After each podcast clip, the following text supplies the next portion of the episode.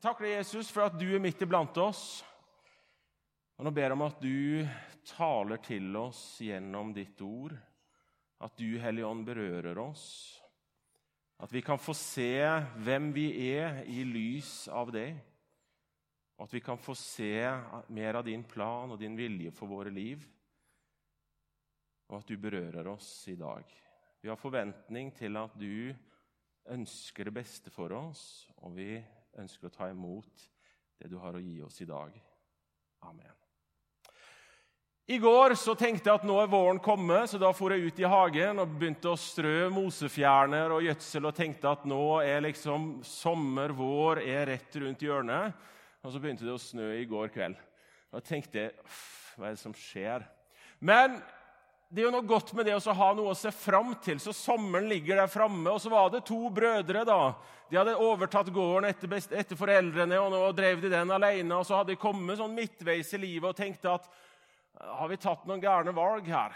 For de så jo at rundt seg så hadde venner og det begynte å gifte seg. Eller de hadde, var godt gifte, de hadde familie, de hadde fått barn. Det var til og med barnebarn på gang, og de stussa litt og de snakka litt sammen. Hva, har vi prioritert feil her? Hva gærent har vi gjort? Vi, liksom, vi har jo drifta gården. Burde vi liksom ha utvida litt perspektivet her?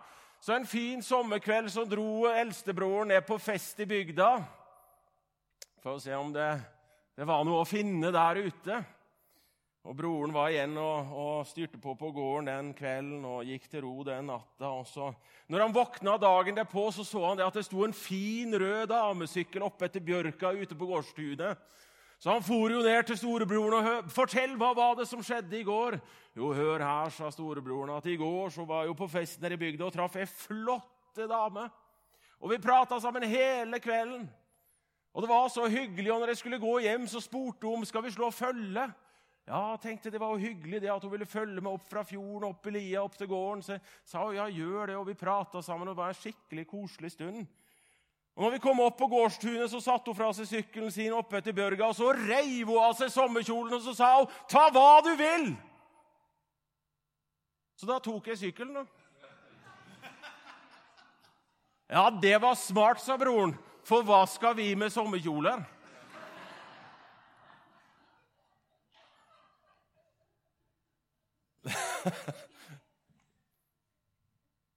Hva er det som har verdi? Hva er det som har verdi for oss? Hva er det som gir oss verdi? Dere har sikkert sett reklamen for eh, Loreal. Du er verdt det. Jeg er verdt det. Men hva er du egentlig verdt, da? Er du verdt det å ta deg råd til å kjøpe produktet deres? Fordi den største skjønnhetsprodusenten i verden. De selger 50 produkter i sekundet året rundt. Hele tida. Hva er det egentlig de prøver å si? Prøver de å si det at du er verdt det hvis du kan bli en som oss? For de er jo flotte, de damene da, som profilerer de produktene her. Og så tenkte jeg som så Ja, du kan jo liksom stramme opp og fikse litt, og, og, og, det ser bra ut. Men på slutten av dagen så må jo allikevel sminken av, da. Den kan ikke garantere deg en livsforvandlende endring, noe annet enn at du for en stund kan se litt annerledes ut, og kanskje ha en opplevelse av at nå er jeg en bedre utgave av meg sjøl. Men det begrenser seg hva de kan garantere. Og så driver de jo butikk, da. De skal selge mest mulig. Hva er det som gir det verdi?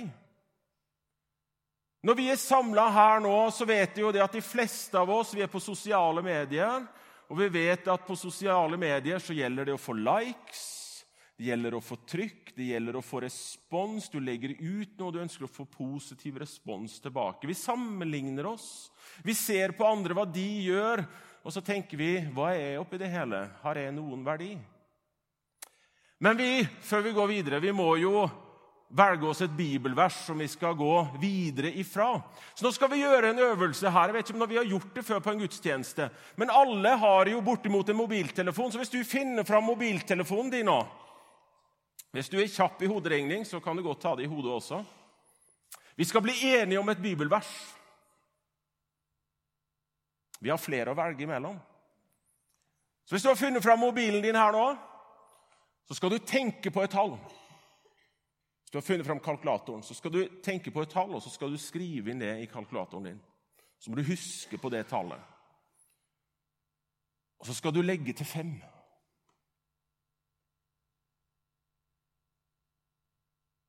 Og så skal du gange med to.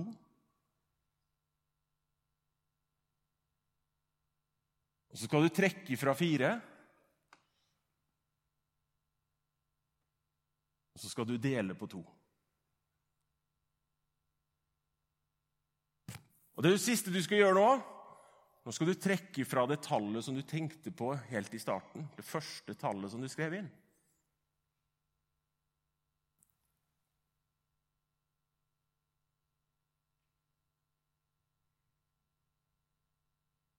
Hva ble svaret?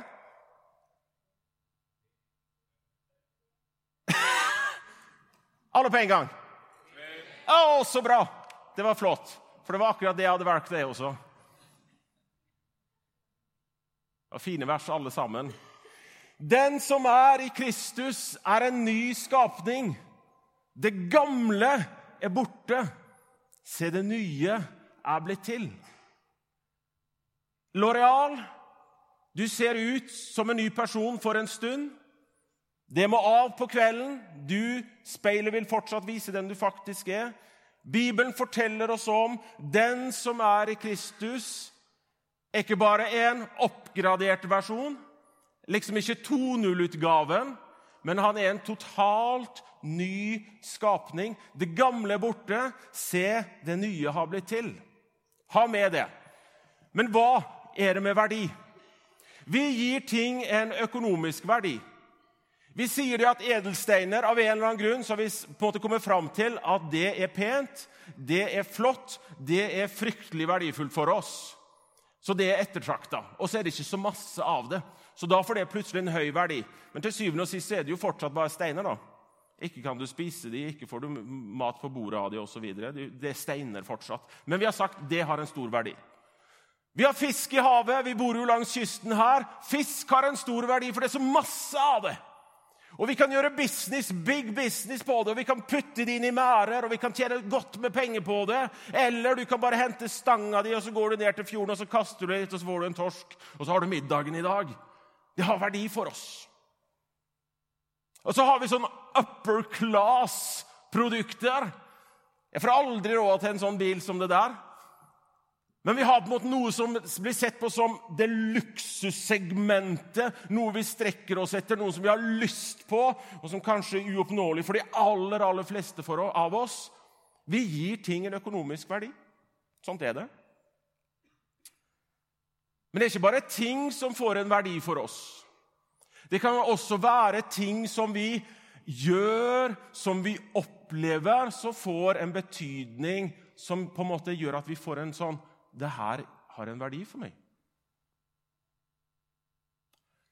Her forleden så Min kone jobber turnus. og her For en stund siden så var hun på nattevakt. Og Jeg skulle opp tidlig den morgenen påfølgende dag, så jeg hadde lagt meg for så vidt tidlig kvelden før.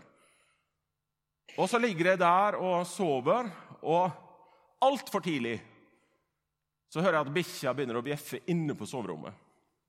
Skikkelig tar seg ut. Og Jeg bare åpner ikke øynene engang, bare roper ut 'ti stilt, gå i kurven', et eller annet. Og, og, og, og, gidder ikke gjøre noe mer med det. Og Så ligger jeg der og prøver å sove igjen og tenkte det var fryktelig irriterende. Den bikkja hun driver og bjeffer en time før jeg skal stå opp her. Og så merker jeg at det skjer noe. Jeg merker at det er noe som beveger seg i senga. Noe som kommer ruslende opp etter dyna, opp etter beina, som går rundt hodeputa mi. Og jeg ligger Nei, jeg skal sove. Og så merker jeg at det er noe som begynner å kvesse klørne på puta mi. Du hører det litt, liksom, rasle litt. Litt sånn mjauing. Mjau. Reaksjon her nå. Mjau. Tenker nei, du skal sove en time til, Jan Egil. Du skal tidlig opp. Det er en lang dag. Hva gjør en katt da? For hun har funnet det verdt at nå skal hun ut en tur. Jeg hadde glemt å ta henne ut kvelden i forveien. Så hun sitter der Og hva kan hun gjøre videre? Nei, Hvis han ikke vil røre på seg, ja, da velger jeg å vaske meg rett opp i trynet på han. Så hun legger seg ned på sida, opp med beina de er jo myke som få, sa kattene, og da er de i gang. og så... Og ligger du der nei, jeg skal sove litt til, og så får fortsatt ikke den reaksjonen som hun vil ha, så da, da slipper hun luft tilsatt lukt. Da gikk det fort. ut! Hun fant det verdt å ta en tur ut. Men det er ting som får verdi for oss som, som, vi gjør, ting vi gjør. Det kan være reiser, det kan være det å ha råd til noe som du ser der framme, som du har lyst til å gjennomføre. Det kan være hobbyer, det kan være fellesskap som vi har her. Det kan være jobb, det kan være karriere. Ulike ting som vi gir en verdi fordi vi syns det er kjekt, fordi vi opplever at det er noe i det. Vi har økonomisk verdi, vi gir verdi til ting som vi setter pris på. 28. desember 2018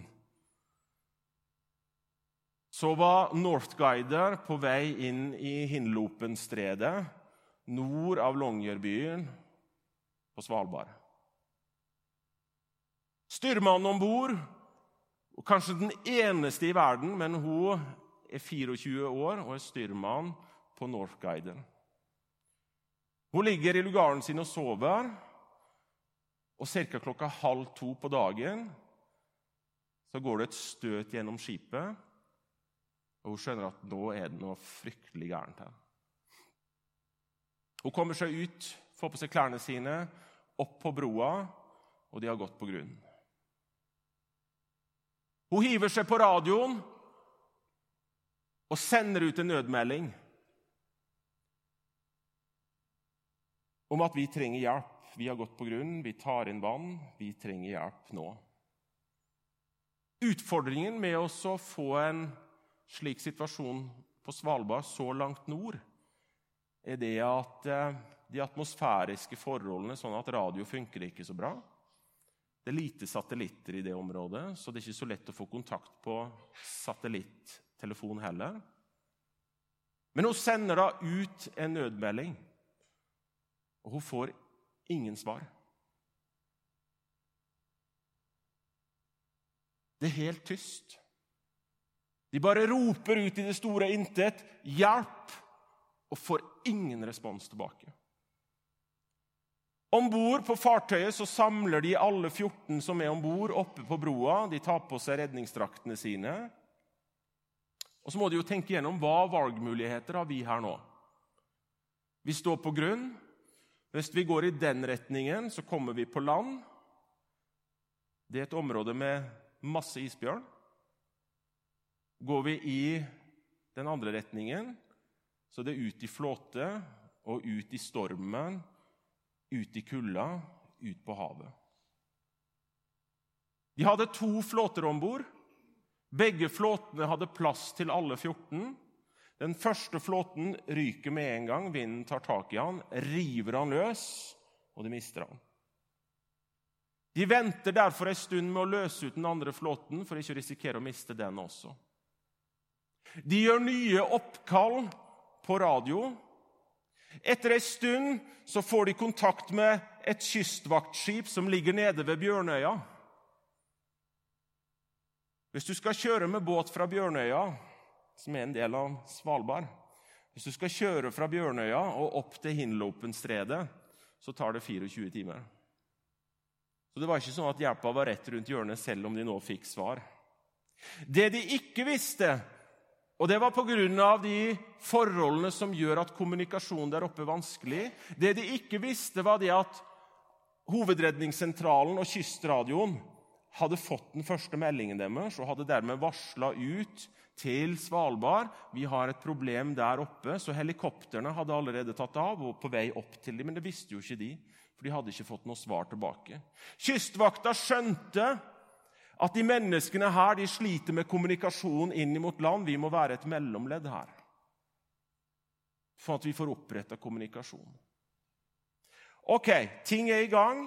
Menneskene er fortsatt om bord. Det er veldig unge folk som er om bord der. Det er ikke uten grunn til at journalisten i denne artikkelen her skriver nettopp det.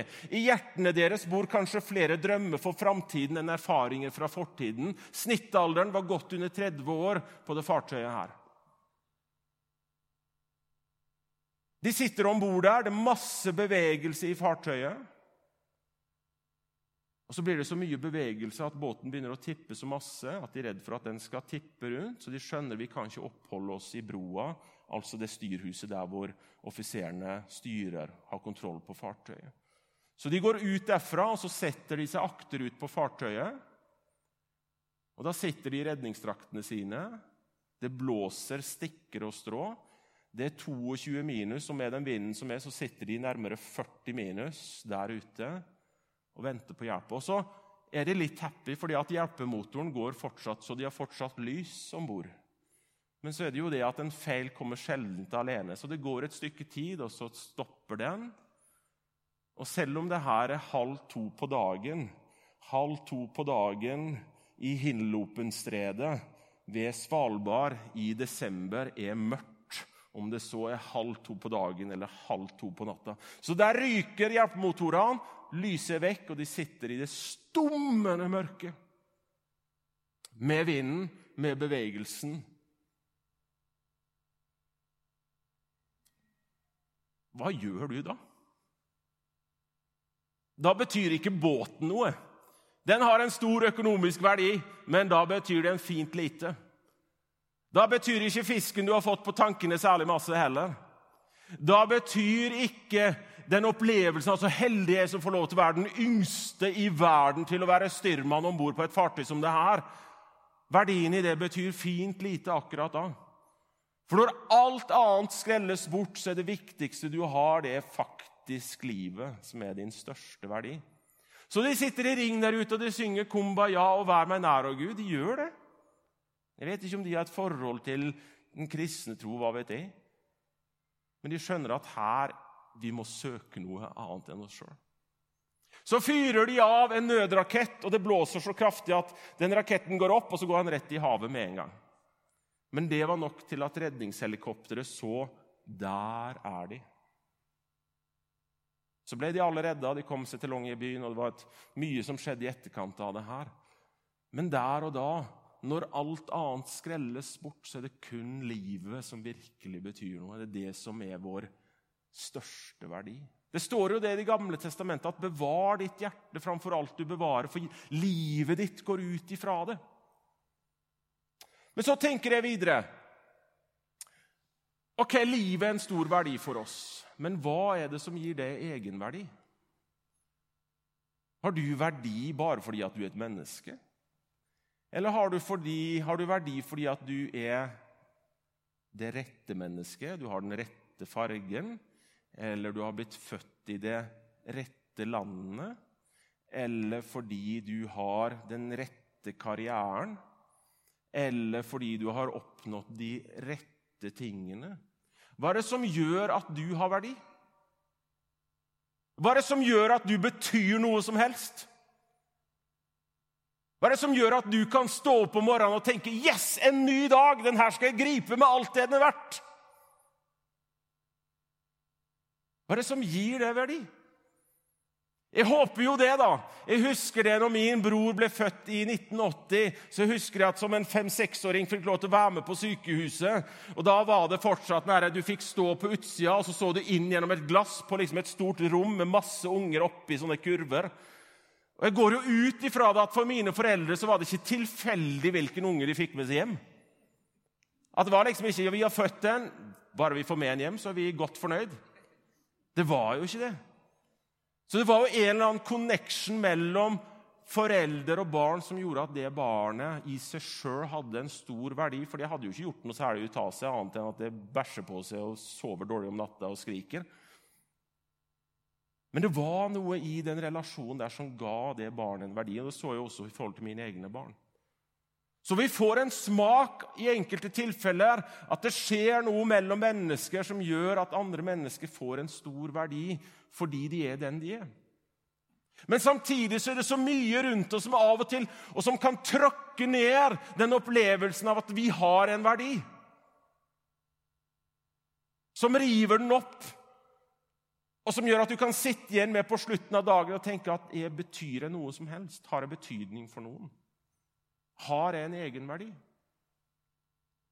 Hva skjer da når vi tar bort det som er av egenverdi blant oss mennesker i dag? Jeg husker her for en stund siden Jeg liker å spille innebandy. Jeg vet ikke hvor inne dere er i akkurat den sporten, men den innebærer kølle og ball. Så springer du rundt i en hall. Så skal du vinne over det andre laget.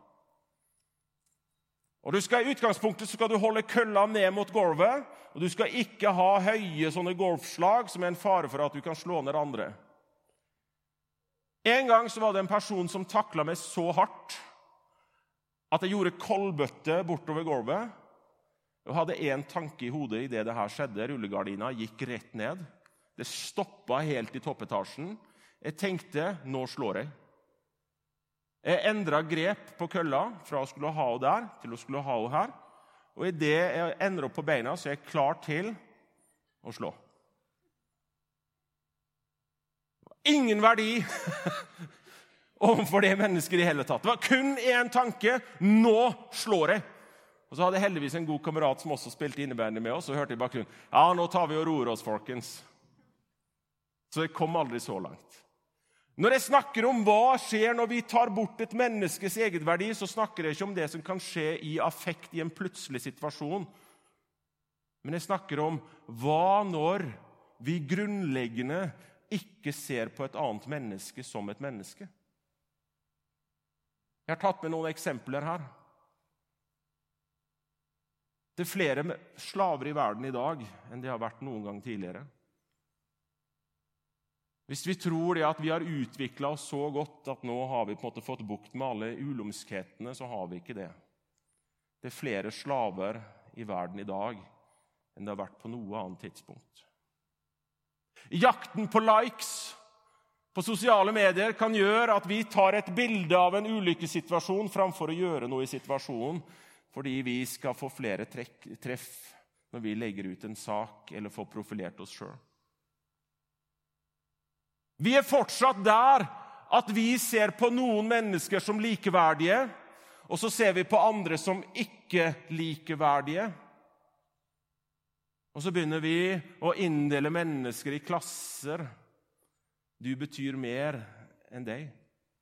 Du har større verdi, du har ingen verdi.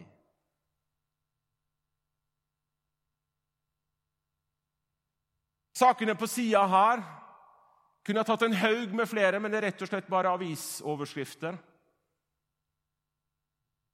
Hvordan kan en far gjøre noe sånt mot sitt eget barn?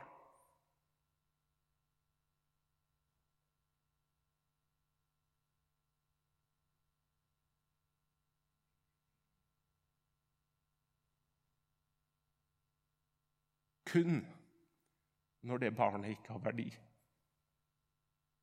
som et fullverdig menneske.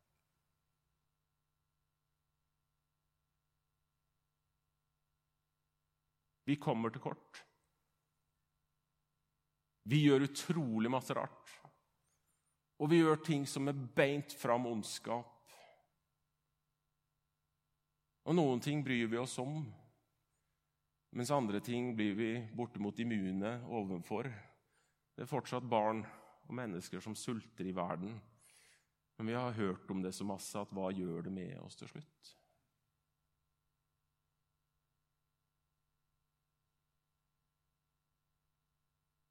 Jeg vet det, at noen mennesker har en bedre connection med enn andre.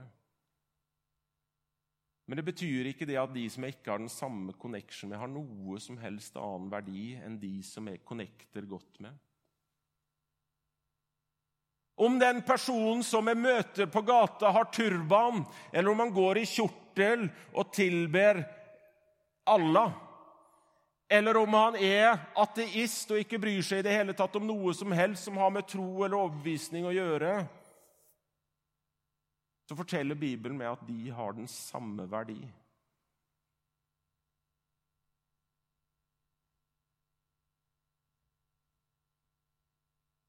For det er en som har gitt oss verdi.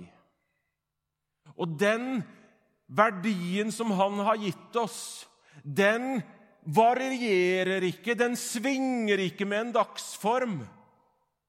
Den er ikke labil og usikker, men han har valgt å elske hver og en av oss. Som det står i Johannes 3, 16, for så høyt har Gud elska ikke bare de som har tatt imot Jesus Kristus og følger han, men for så høyt har Gud elska verden at han ga sin egen sønn for igjen at den som tror på ham, ikke skal gå fortapt.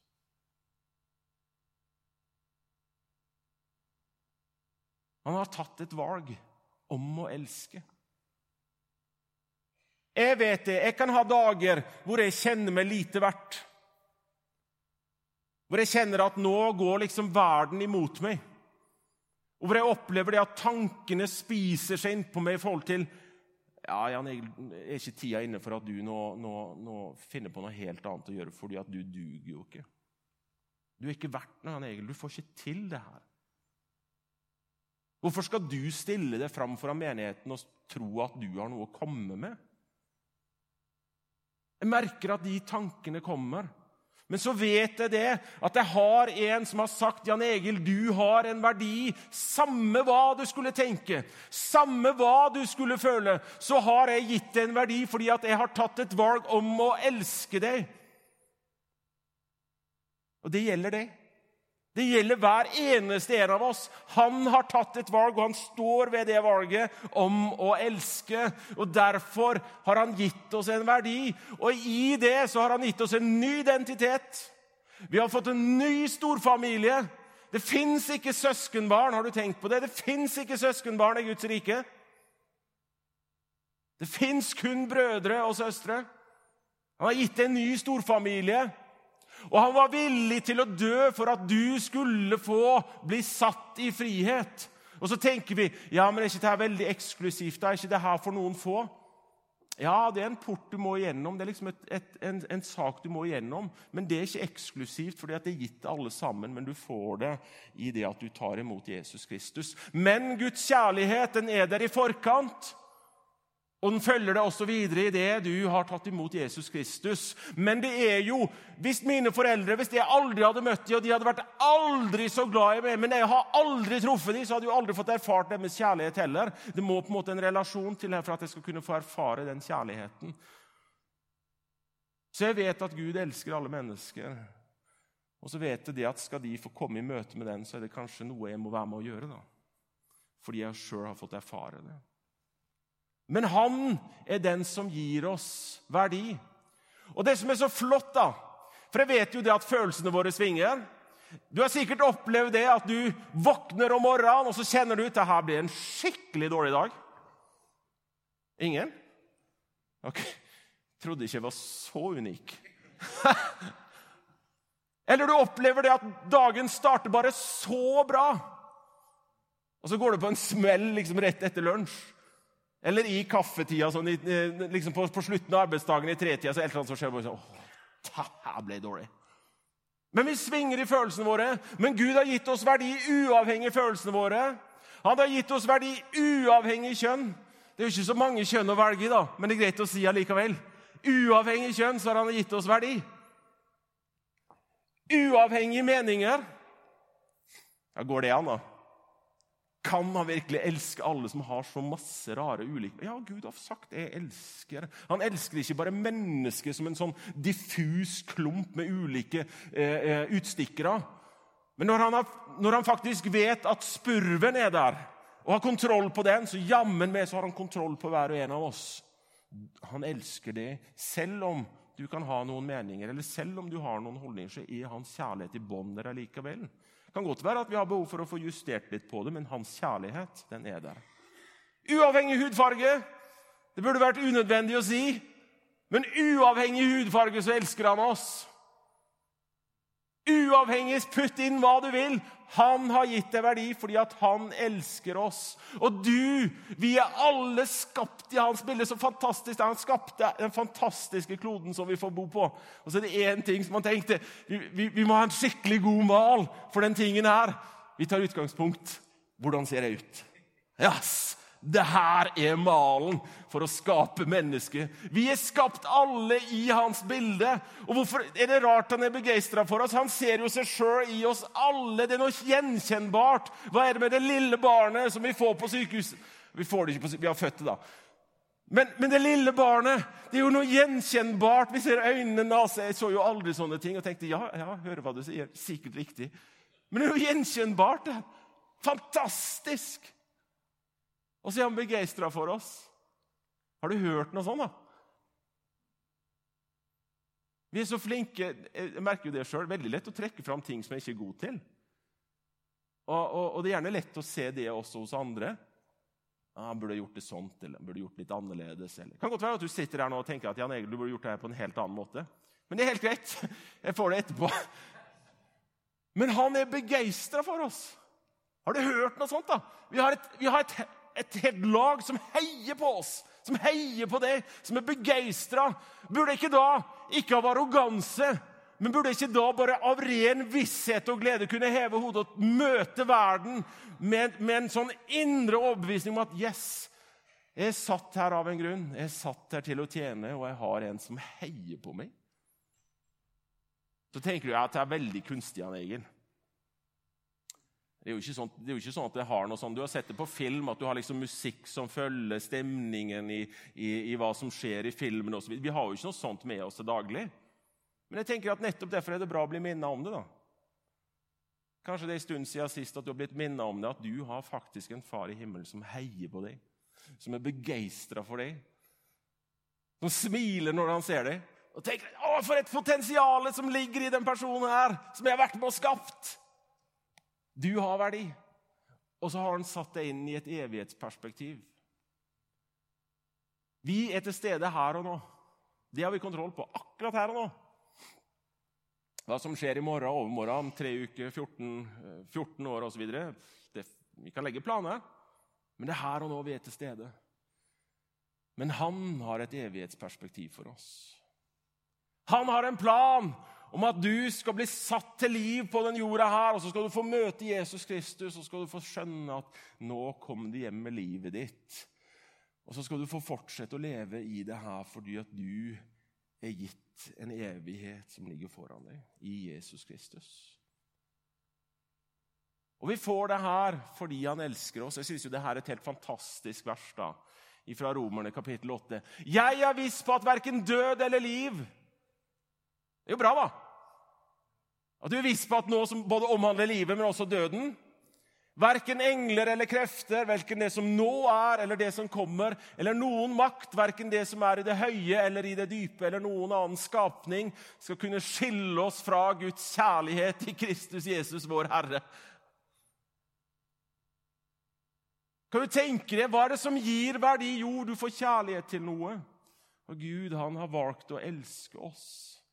Vi elsker fordi at han har elska oss først.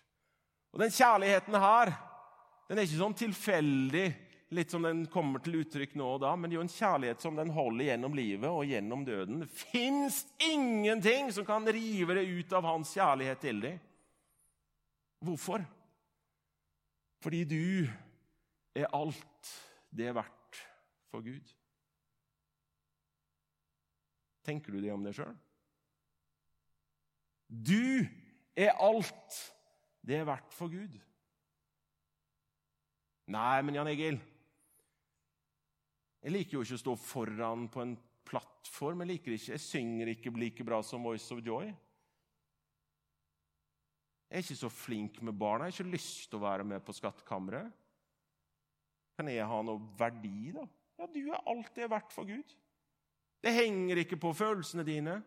Det henger ikke på tankene dine, du som du tenker om deg sjøl, men det henger på det at han har valgt å elske det i Jesus Kristus. Og Nå skal jeg straks gå inn for landing her, og det er jo bra å kunne lande også. For det er en ting at jeg vet at Gud han er begeistra for meg. Og at han gir meg verdi gjennom sin kjærlighet til meg. At det er faktisk fantastisk verdifull. Men så har han kalt meg til at det ikke skal stoppe der. Han har kalt meg til at Jan Egil, du skal se på de som du omgis med, og så skal du tenke du er alt det er verdt for Gud. Og så skal du med ditt liv, Jan Egil, så skal du finne måter og veier hvordan du kan formidle mitt evangelie til den eller de menneskene. Og det gjelder oss alle. Nå har du fått en reminder på det her i dag. Og så skal du vite det hvis du tenker at det blir masse stress. Nei, det trenger ikke det. Og så skal du også vite det at det er ikke noe poeng for oss å komme uthvilt i himmelen. For at Der blir alt restarta. Der begynner vi på nytt. Så det er ikke noe poeng at vi skal spare energi og liksom sørge for at batteriet er topplada til den dagen vi kommer til himmelen, for der starter vi helt på nytt. Med nye ark, nye muligheter, ny kropp, ny energi. Så vi trenger ikke å spare på kreftene. Og Vi kan heller ikke ta med oss noe av pengene eller velferden eller det materielle som vi samler oss opp her. Vi får ikke dele med oss. Så vi har all god grunn til å gjøre det vi kan for å gi videre det vi har fått. Og så har jeg lyst til å si det helt til slutt. Vi skal få en sang her nå. Hvem er jeg, siden kongenes konge ønsker akkurat meg velkommen inn? Og så går sangen videre. Vi skal få teksten på veggen her, for han går på engelsk. Men så går teksten videre på at jeg får lov til å være et Guds barn fordi han sier at det er det.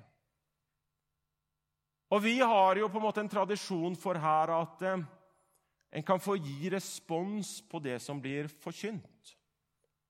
Både på gudstjeneste selvfølgelig også etterpå. eller En kan sende en mail også for den saks skyld. Men vi syns det er en god ting å kunne få gi rom for at hvis du kjenner her og nå at det hadde vært godt hvis noen kunne be for meg. For jeg opplever det at mine egne tanker om min egen verdi de er ganske små. Så har vi lyst til å være med og be om at dine små tanker om deg sjøl skal bli bytta ut med Guds tanker om at du er verdifull i ditt liv.